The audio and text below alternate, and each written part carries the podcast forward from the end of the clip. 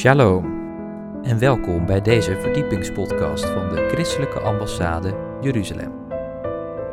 Mijn naam is Joshua Beukers en samen met Bijbelleraar Jacob Keegstra gaan wij een verdieping zoeken van de Hebreeuwse wortels van ons christelijk geloof. In aflevering 111 gaan wij verder met een prachtige Bijbelstudie: Israël en de volken, samen met Henk van Zon.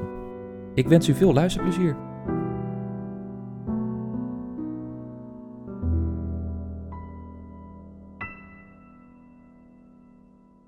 Gods plan met Israël en de wereld. Ja, ja, dat is echt een fantastische studie. En vooral dat het evangelie de wereld rondgaat. En Ja. dat het door Gods geest geleid wordt. Ja. Nou, daar gaan we het over hebben. Ik eh verheug me er nu al op. Ja. Nou ja, mijn eerste vraag Ja. is, hoe gaat dat in zijn werk? Ja, we denken vaak natuurlijk eh, rechte lijn, hè?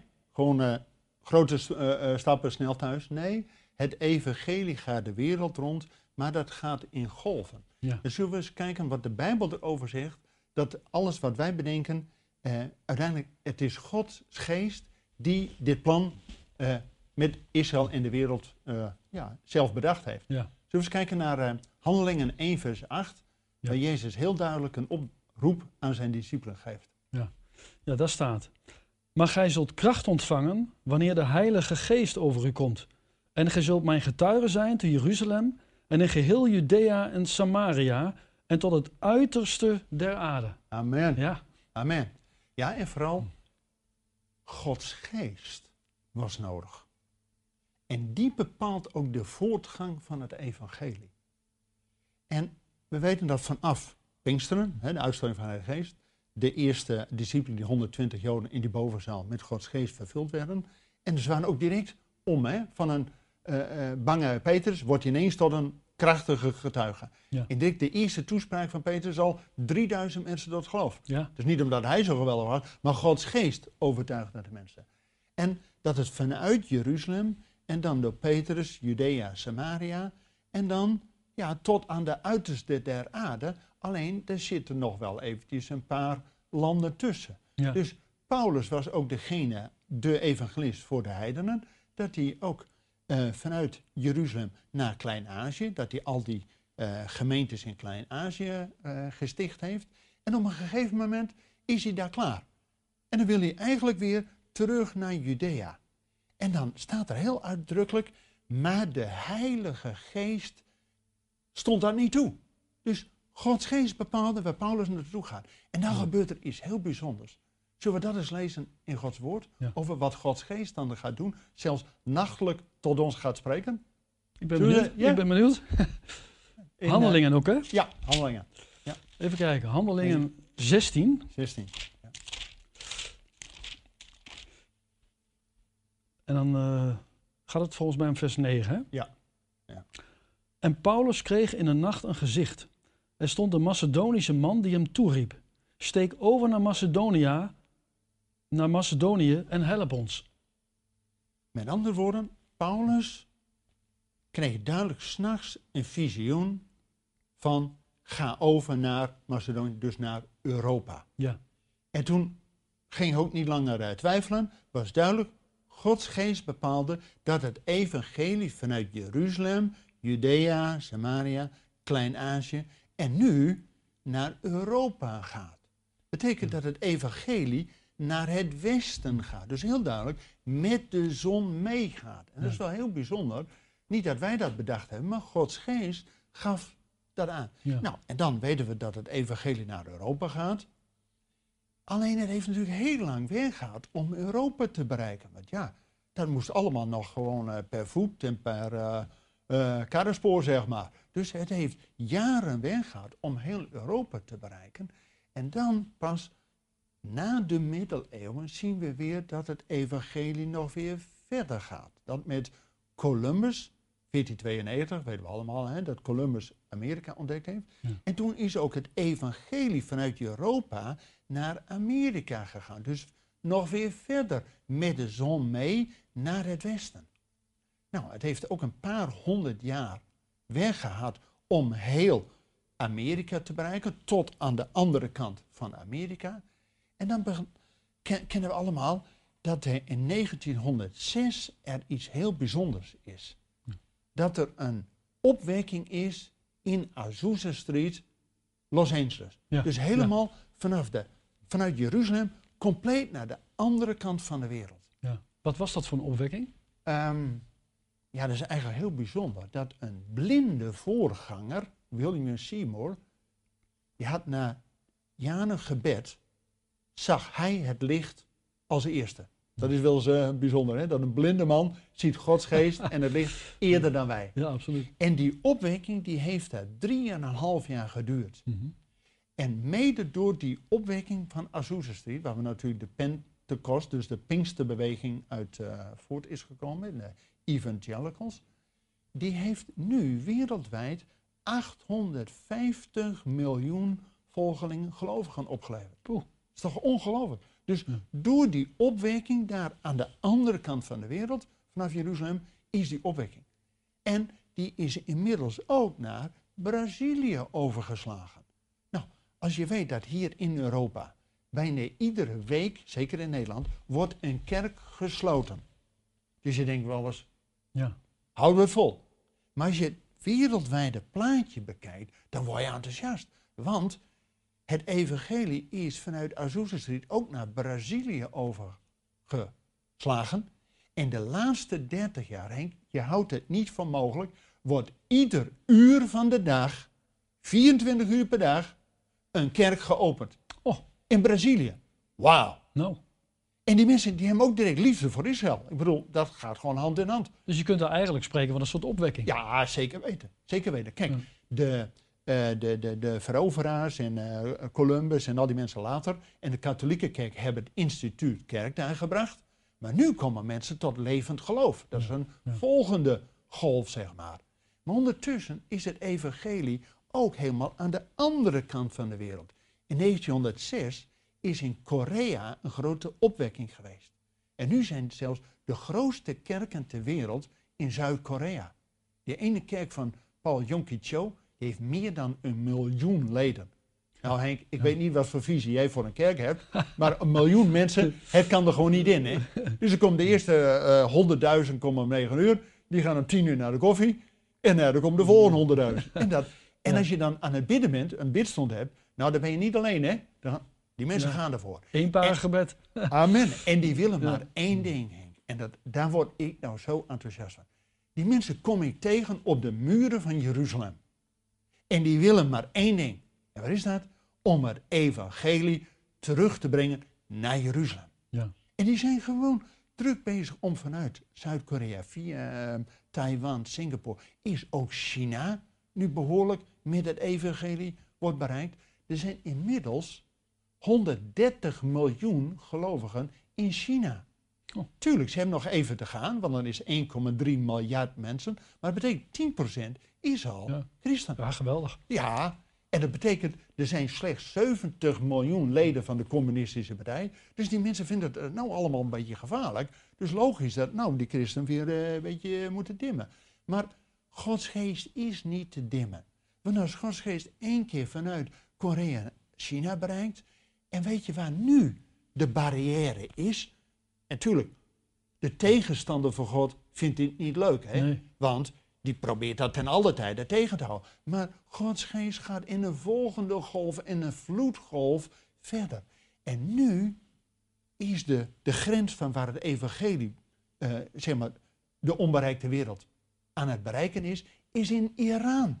Het Midden-Oosten. Hey, je houdt het niet voor mogelijk dat met al die ayatollahs daar in Iran, ondertussen gewoon Gods geest gaat aan de basis werken. En vrouwen en kinderen komen nu tot geloof. Ja, en niet een klein beetje. Er zijn getuigenissen dat er gemiddeld per maand, Henk, 10.000 mensen in Iran tot geloof komen. Jongen.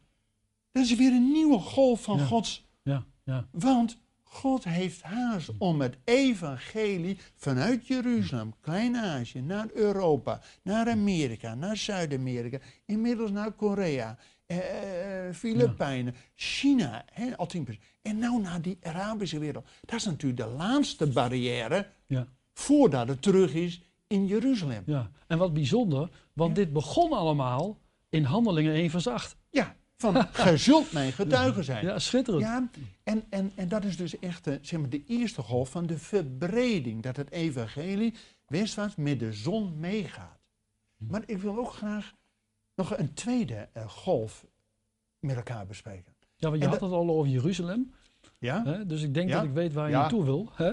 Ja, dat komt uit. Eh, wacht even, wacht even, wacht even. Niet te snel, niet te snel. Er is ook nog een golf, niet van de verbreding, maar van de verdieping. Dat het evangelie verder tot ons komt. Ja. En we weten allemaal dat in de middeleeuwen was natuurlijk ja, de kerk ook aanwezig. Maar het was dus vooral, ehm, ja, mensen konden amper lezen en schrijven. Dus het woord kon men niet zelf lezen. Dus dat Ja. moest door beelden en door, weet ik wat, moest dat evangelie overgebracht worden.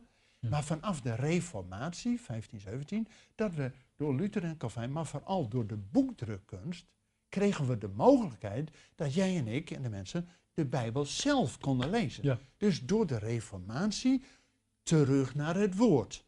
Amen. Maar dan zie je dat het weer verder gaat. Een eeuw later was het, ja, je moet niet alleen het woord hebben, maar je moet het woord ook geloven. Nou, dat was de nadere reformatie, of in het buitenland heet dat de Puritijnen, dat je gewoon het evangelie moet geloven. En dan weer een eeuw later kreeg door de eerste opwerkingen dat er, ja, je moet niet alleen het woord hebben, je moet het woord geloven, maar je moet je ook laten dopen. Nou, dan kreeg je de baptisten. Nou, en daarna, en dat duurde weer 100 jaar, kreeg je de opwekkingsbeweging van eh, 1907, Azusa Street. Dat is door de grote opwekking, dat je dus niet alleen het woord moet hebben, het woord moet geloven, je ook moet laten dopen, maar ook de golf van de Heilige Geest. Er komt steeds wat bij. Nou, dat heet in de Bijbel een voortgaande openbaring. Ja. God gaat ook zijn bruid steeds reiner maken tot die grote dag. Ja. En je ziet dan ook dat God daarin steeds een volgende golf heeft. Dus door de reformatie terug naar het woord. En dan het woord geloven. Door de baptisten ook laten dopen. En dan door de Pinksterbeweging. Dat je niet alleen het woord nodig hebt, maar ook Gods geest nodig hebt. Ja. En daarna weer, weer 50 jaar later, de charismatische vernieuwing. Dat je niet alleen het woord nodig hebt, moet geloven, laten dopen, Gods geest nodig hebt, maar je hebt ook de gaven van Gods geest nodig. Ja. En nu komt er nog één golf. Want we zijn inmiddels weer 50 jaar verder. Maar daar, daar gaan we het zo over hebben. Maar je had het net al over die andere golf, over Jeruzalem. Ja. Ja, nou, ik, ik, eh, de, de, de terugkeer van de Joden, hè? Ja. Eh, Daar ben ik nieuwsgierig naar. Ging dat ook in golven? Dat is een goede vraag. Want dat ging inderdaad niet zomaar. Dat ging ook door barrières heen. En ineens weer, een- huppatee, weer een volgende vloedgolf, zeg Ja, maar. ja. We weten dat na de Eerste Wereldoorlog, na 1917, toen natuurlijk in Rusland het communisme ineens hè, de, de, de, de macht greep, dat veel Russische Joden toen naar Israël gingen. Dus het was de eerste golf van de terugkeer, ook wel Aliyah genoemd.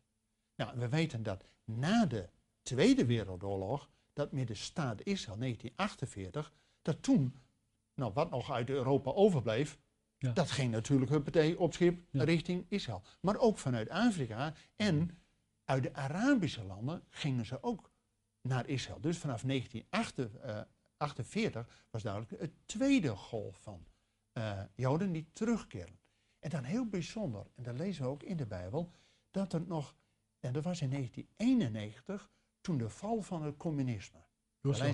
Ja, en, en dat was heel duidelijk dat er toen ineens weer een golf van Joden uit Rusland richting Israël ging. Ja, want het waren volgens mij 1,2 miljoen Joden, hè? Oh, het is ongelooflijk. Ja. Zullen we die teksten die geprofeteerd is in Jeremia eens Ja. lezen? Jeremia 23. Ja. En het is wel heel bijzonder wat daar staat. Want ehm En dan vers, 7 en 8. ja, daar staat. Daarom zie, de dagen komen, luidt het woord des Heren, dat men niet meer zal zeggen, zo waar de Heere leeft, die de Israëlieten uit het land Egypte heeft doen optrekken, maar veel eer, zo waar de Heere leeft, die het nageslacht van het huis Israëls heeft doen optrekken, En die het heeft doen komen uit het noorderland en uit al de landen waarheen hij hen verdreven had. En ze zullen op hun eigen grond wonen. Ja, dat is een geweldige profetie. En die in vervulling is gegaan. Ja, Ja. En, en nog steeds verder gaat. Ja. Maar laten we eens even terug naar die 1989, 1991. Hè, toen de Berlijnse muur viel, daarna het communisme viel. Toen werd het ineens mogelijk, weer 70 jaar na 1917, Ja. dat ook Russische Joden naar Israël konden gaan. En ja, die hadden natuurlijk al een droom om naar Jeruzalem te gaan. Maar ja, zij kennen natuurlijk ook het, wat wij noemen het Oude Testament. En daar was natuurlijk de grote uittocht van, eh, uit Egypte hè, met Mozes. En we weten dat dat ongeveer, laten we zeggen, ja, een miljoen eh, zijn geweest die uit Egypte zijn gedaan.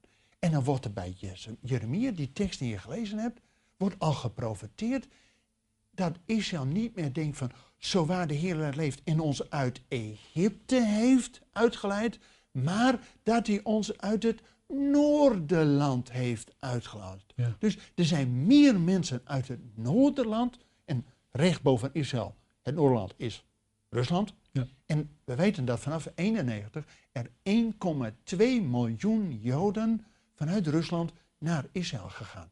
En wij als Christelijke Ambassade waren de eerste christelijke organisatie die bewust ook deze Russische Joden ging sponsoren om naar Israël te gaan. Ja. Daarna nee, dan meer organisaties dat. Maar we hebben duidelijk een visie van, jongens, wij als gelovigen uit de volkeren moeten hen helpen om ja, die profetie uit Jeremia waar te maken. En 1,2 miljoen. Henk, dat is een hoop. En die zitten Ja. dus allemaal in Israël. En er staat ook bij in diezelfde tekst, niet alleen uit het Noorderland, maar uit alle landen waarheen ik hen verdreven had. Ja. En dat betekent dat God ja, haast maakt om zijn volk terug te brengen. Niet alleen uit Rusland, maar we weten ook nu uit het zuiderland, uit Ethiopië. En uit India komen ze ook, uit het oosten. Maar straks natuurlijk ook uit Amerika. Er zal een tijd komen dat ook de Ja. Joden uit Amerika gewoon richting Israël gaan. Want God zegt, ik zal er geen één achterlaten voordat hij zich openbaart als de Messias die zijn voet zet op de olijfberg. Ja, ja. En- Bij zijn wederkomst, hè? Uiteraard, wij zijn wederkomst. Maar er is nog een golf bij. Want we hebben nu drie gehad. De verbreding van het evangelie dat het vanuit Jeruzalem via Europa, Amerika, eh, eh, Korea, China, nu Arabische wereld, bijna back to Jerusalem. Dus de cirkel is bijna rond. En Jezus zegt ook dat hij niet weer kan komen voordat alle volken het evangelie hebben gehoord. Ja, bedoel, dat ja. is Gods plan met de wereld. En zelfs Iran, hè, wat jij zei. Ja, maar die moeten, en dat zijn natuurlijk wel de broedervolken, hè, de Arabieren. De broedervolken van Israël. Dus dat is de hardste doorbraak. En waarom hoor je daar niks van op het journaal? Ja, want dat vindt natuurlijk Iran ook helemaal niet leuk. Die hebben die Ayatollahs en dat moet natuurlijk vooral tegen Israël. Die hebben allerlei raketten om vooral Israël van de kaart te vegen. Ja. En dan komen mensen tot geloof en die hebben nog liefde voor Israël ook. Henk, Ja. het is gewoon niet te filmen wat daar gebeurt. Maar Gods plan met de wereld. En we hebben ook die verdieping gehad. Dus steeds verder, niet alleen het woord, maar je moet het ook geloven. Er eh, Ja. gehoor aan geven. En je hebt Gods geest nodig. En je moet ook Gods geest in alles laten doorwerken. En die laatste golf, dat kan pas als ook Israël in allerlei fases terug is in het land. En nou maakt ons in wezen op voor de grote ja, slotakkoord dat. Maar laten we eens lezen uit het Nieuwe Testament. Uit Efeze hoofdstuk 2. Wat Jezus bedoelt, wat er moet gebeuren. En ik geloof dat we nu in die fase zitten dat die laatste golf zichtbaar wordt. Laten we eens lezen. Efeze 2, vers 15. Doordat hij in zijn vlees de wet der geboden in inzettingen bestaande buiten werking gesteld heeft om in zichzelf vredemakende de twee tot één nieuwe mens te scheppen. Amen. Dus Jezus kwam om die scheidsmuur tussen Jood en niet-Jood op te heffen. En dat die twee in hem, in Jezus, verbonden zijn tot de nieuwe mens. Dus voordat Jezus terugkomt, moet die nieuwe mens duidelijk worden. De- en nu zijn wij de eerste generatie, Henk, in de geschiedenis die gewoon kan zien dat Israël niet meer verstrooid is over volken, maar nu terugkeert naar zijn eigen land. Ja. En ondertussen is Gods plan met de wereld ook bijna rond, dat het evangelie bijna weer terug is. Ja. En nou, waar wij niet kunnen komen, nou nu met livestream, eh, Ja. Op allerlei plekken in de wereld waar wij fysiek niet kunnen komen, daar eh, ja, komen want we. jij gaat normaal minimaal één keer per jaar naar Israël. Ja, als, als het niet Ja. vaker is. Ja, Alleen eh, door de corona is dat nu, eh, was dat nu niet mogelijk. ja maar goed, nu de livestream krijg je ook allerlei studies uit Israël. Ja. Maar ook deze livestream en ook onze livestream, die gaat half Europa door. Ja. Want, dus waar wij als evangelisten niet fysiek kunnen komen, nou dan kunnen we nou door internet en podcast en zo. Ja, dus het, het gaat nu kwadratisch snel. Dus Ja. ik geloof dat ook die nieuwe golf, die laatste golf, en dat heeft dus ook alles te maken, ja, als ik gewoon de Bijbel lees, ook in het Oude Testament wordt er gesproken over een sabbatsjaar en een jubeljaar. Dat Ja, zijn ja. gewoon cyclussen die God heeft ingesteld. Ja. En dan ook die jubeljaar, dat is om de 50 jaar dat God weer iets nieuws gaat doen. Ja, want En- hoe zit dat precies hè? Met, die, met die sabbatsjaar en een jubeljaar? Nou ja, kijk, de Bijbel zegt dat je om de zeven jaar een rustjaar moet hebben. Dat het land zijn rust moet hebben. Dus niet maar 24 uur per dag eh, doorjakkeren. Ja. Nee, God geeft tijden ook van rust. De Smita noemen ze dat hè? Ja, ja dat is Ja. dus het Sabbatjaar. Dus dat ook het land zijn rust krijgt. En dan zeven maal zeven jaar, dat je niet alleen het land rust geeft, maar dat het ook naar de oorspronkelijke eigenaren terugkrijgt. Gaat. Dus dat de, als jouw vader slecht geboerd had en die moest het land verkopen, dat de volgende generatie weer grond onder de voeten krijgt. Hm. Nou, dat is toch geweldig dat ook Jezus kwam om weer het jubeljaar te verkondigen dat jij weer grond onder je voeten krijgt. Dat is toch geweldig? Ja. En betekent ook geestelijk dat wij weer een fundament onder ons voeten krijgen. Nou, en dat jubeljaar heeft God gewoon in de schepping ingelegd. Nou, dan zien we ook dat ook door de reformatie en door de baptisten en door de pinksterbij, die golven, dan gaat dat steeds verder. En ik geloof dat we nu, ja, weer in een nieuwe fase zitten. En dat, dat hangt ook alles met Israël samen. Dat 1967, dat Jeruzalem één werd onder Israëlisch bestuur. En inmiddels zijn we weer 50 jaar verder. En ondanks corona, het evangelie gaat gewoon waar het niet kruipen, of eh kruipt waar het niet gaan kan, zeg maar. En ik geloof dat we ons op moeten maken voor een volgende fase. En die heeft alles te maken met die ene nieuwe mens die jij net las. Dat we, wat ik noem, terug naar de Hebreeuwse wortels van ons geloof. Dat we als kerken niet apart zijn van Israël. Nee, dat we ons fundament in de Bijbel hebben. En dezelfde Messias verwachten als Israël. En dat God ook zijn volk aan het voorbereiden is. Om ten eerste hen terug te brengen in het land. Maar ook zijn geest over hen gaat uitstorten. ja. Want heel veel moeten nog tot geloof komen. Ja, en daarom, jongen, Henk, er zijn nu, juist in coronatijd, heel veel getuigenissen dat God zijn volk stilzet door corona en door de lockdown om aan het hart van de mensen te werken. En zoals 30 jaar geleden, toen Saddam Hussein met al die skudraketten vanuit Irak in Israël ging bombarderen, dus ook een lockdown. En direct daarna waren er allerlei nieuwe Messiaanse gemeenten die gestart werden.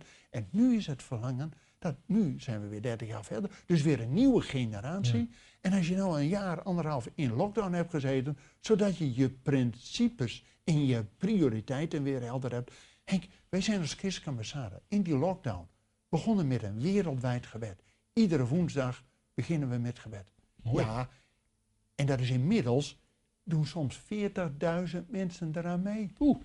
En dat is niet alleen op woensdag, maar ook aan het begin van iedere Ja. maand gaan we bidden. Dat begon eerst ook met 12 uur en toen 24. Afgelopen maand was het 100 uur. Oh. 100 uur non-stop bidden voor Israël, voor het Midden-Oosten en voor je eigen land. Nou, Ja. en precies nou in deze situatie, waar al die eh rakettenregens weer vanuit Hamas gaat, bidden we en zijn we dus voorbereid om als christen niet een beetje achterover te staan. Oh, ze doen het wel leuk en eh, jammer dan. Nee, dat we als christen verbonden zijn en op de bres gaan staan net zoals op, als wachters op de muren van Jeruzalem. En dat we God geen rust gunnen totdat hij Jeruzalem stelt tot een lof op aarde. En weet je wat er gebeurt, Henk? Juist door dat gebed wat wij verbonden zijn met Israël. Maar dat God ook zijn geest over Israël steeds meer tot, ja, laat ontkiemen. Ja. En het zal een machtig leger worden van Joden. En dat betekent, Juda betekent godlovers. Dat ze ons voorgaan in de lofprijs. Dus Henk, ik denk dat we door die cyclus dat het evangelie bijna de wereld rond is. Ja. En ook door die verdieping van het evangelie. Dat we nu toe zijn als christen. Eindelijk eens een keer dat we terugkeren naar de Hebreeuwse wortels van ons geloof. En inmiddels dat God ook zijn volk terugbrengt in al die verschillende alia's. Maar dat hij ook in het land zijn volk voorbereidt dat ze niet op hun eigen kracht en eigen uh, wapens uh, functioneren en uh, letten, maar wat uit Zachariah staat, niet door kracht, niet door geweld, maar door mijn geest. Ja, en we begonnen al aan het begin met die geweldige tekst van Handelingen 1 vers 8, dat wij dit plan van God met Israël in de wereld niet bedacht hebben, maar het is Gods geest die bepaald heeft dat het evangelie vanuit Jeruzalem naar Europa, Amerika, zo de wereld rond, en dat hij nu ook bezig is om zijn volk ja, tot zichzelf te brengen. En wij bidden, en dat is met name ook in Ezekiel 37, dat is zo'n profetie over de dal der dorre doodsbeenderen, dat die botten weer aan elkaar komen. En Ezekiel moet profeteren dat dat gaat gebeuren. En dan staat er, en geest was in hen nog niet. En dan moet Ezekiel een tweede keer profiteren tot de Heilige Geest, die naar de vier windstreken is uitgestort, dus ook tot Nederland toe, dat die geest ook over Israël gaat komen, zodat een machtig leger van godlovers gaat worden. En dan wordt de laatste fase in de geschiedenis, en dat is waar die nieuwe mens nou om gaat. Want die nieuwe mens heeft natuurlijk een bedoeling. Dat wij als Jood en Heiden samen één zijn. En ook Jezus zegt, dat wij niet alleen roepen, Maranatha, Heer komt spoedig. Maar het wachtwoord is natuurlijk ook dat Jezus zegt tegen Jeruzalem, ik kom niet weer en gij zult mij niet weer zien, totdat gij zegt, gezegend hij, nou je kent de tekst hè. Gezegend hij die komt. Gezegend hij die komt. Nou, en, en dat is dus niet alleen wat wij roepen, maar dat we dat samen met Israël doen. En daarom zien we nu door alles heen dat God ook ons zo gaat kneden dat we een stukje verdieping in ons geloof hebben. Dat we die Hebreeuwse wortels van ons geloof weer serieus nemen. En dat we ook samen met Israël uitspreken, gezegend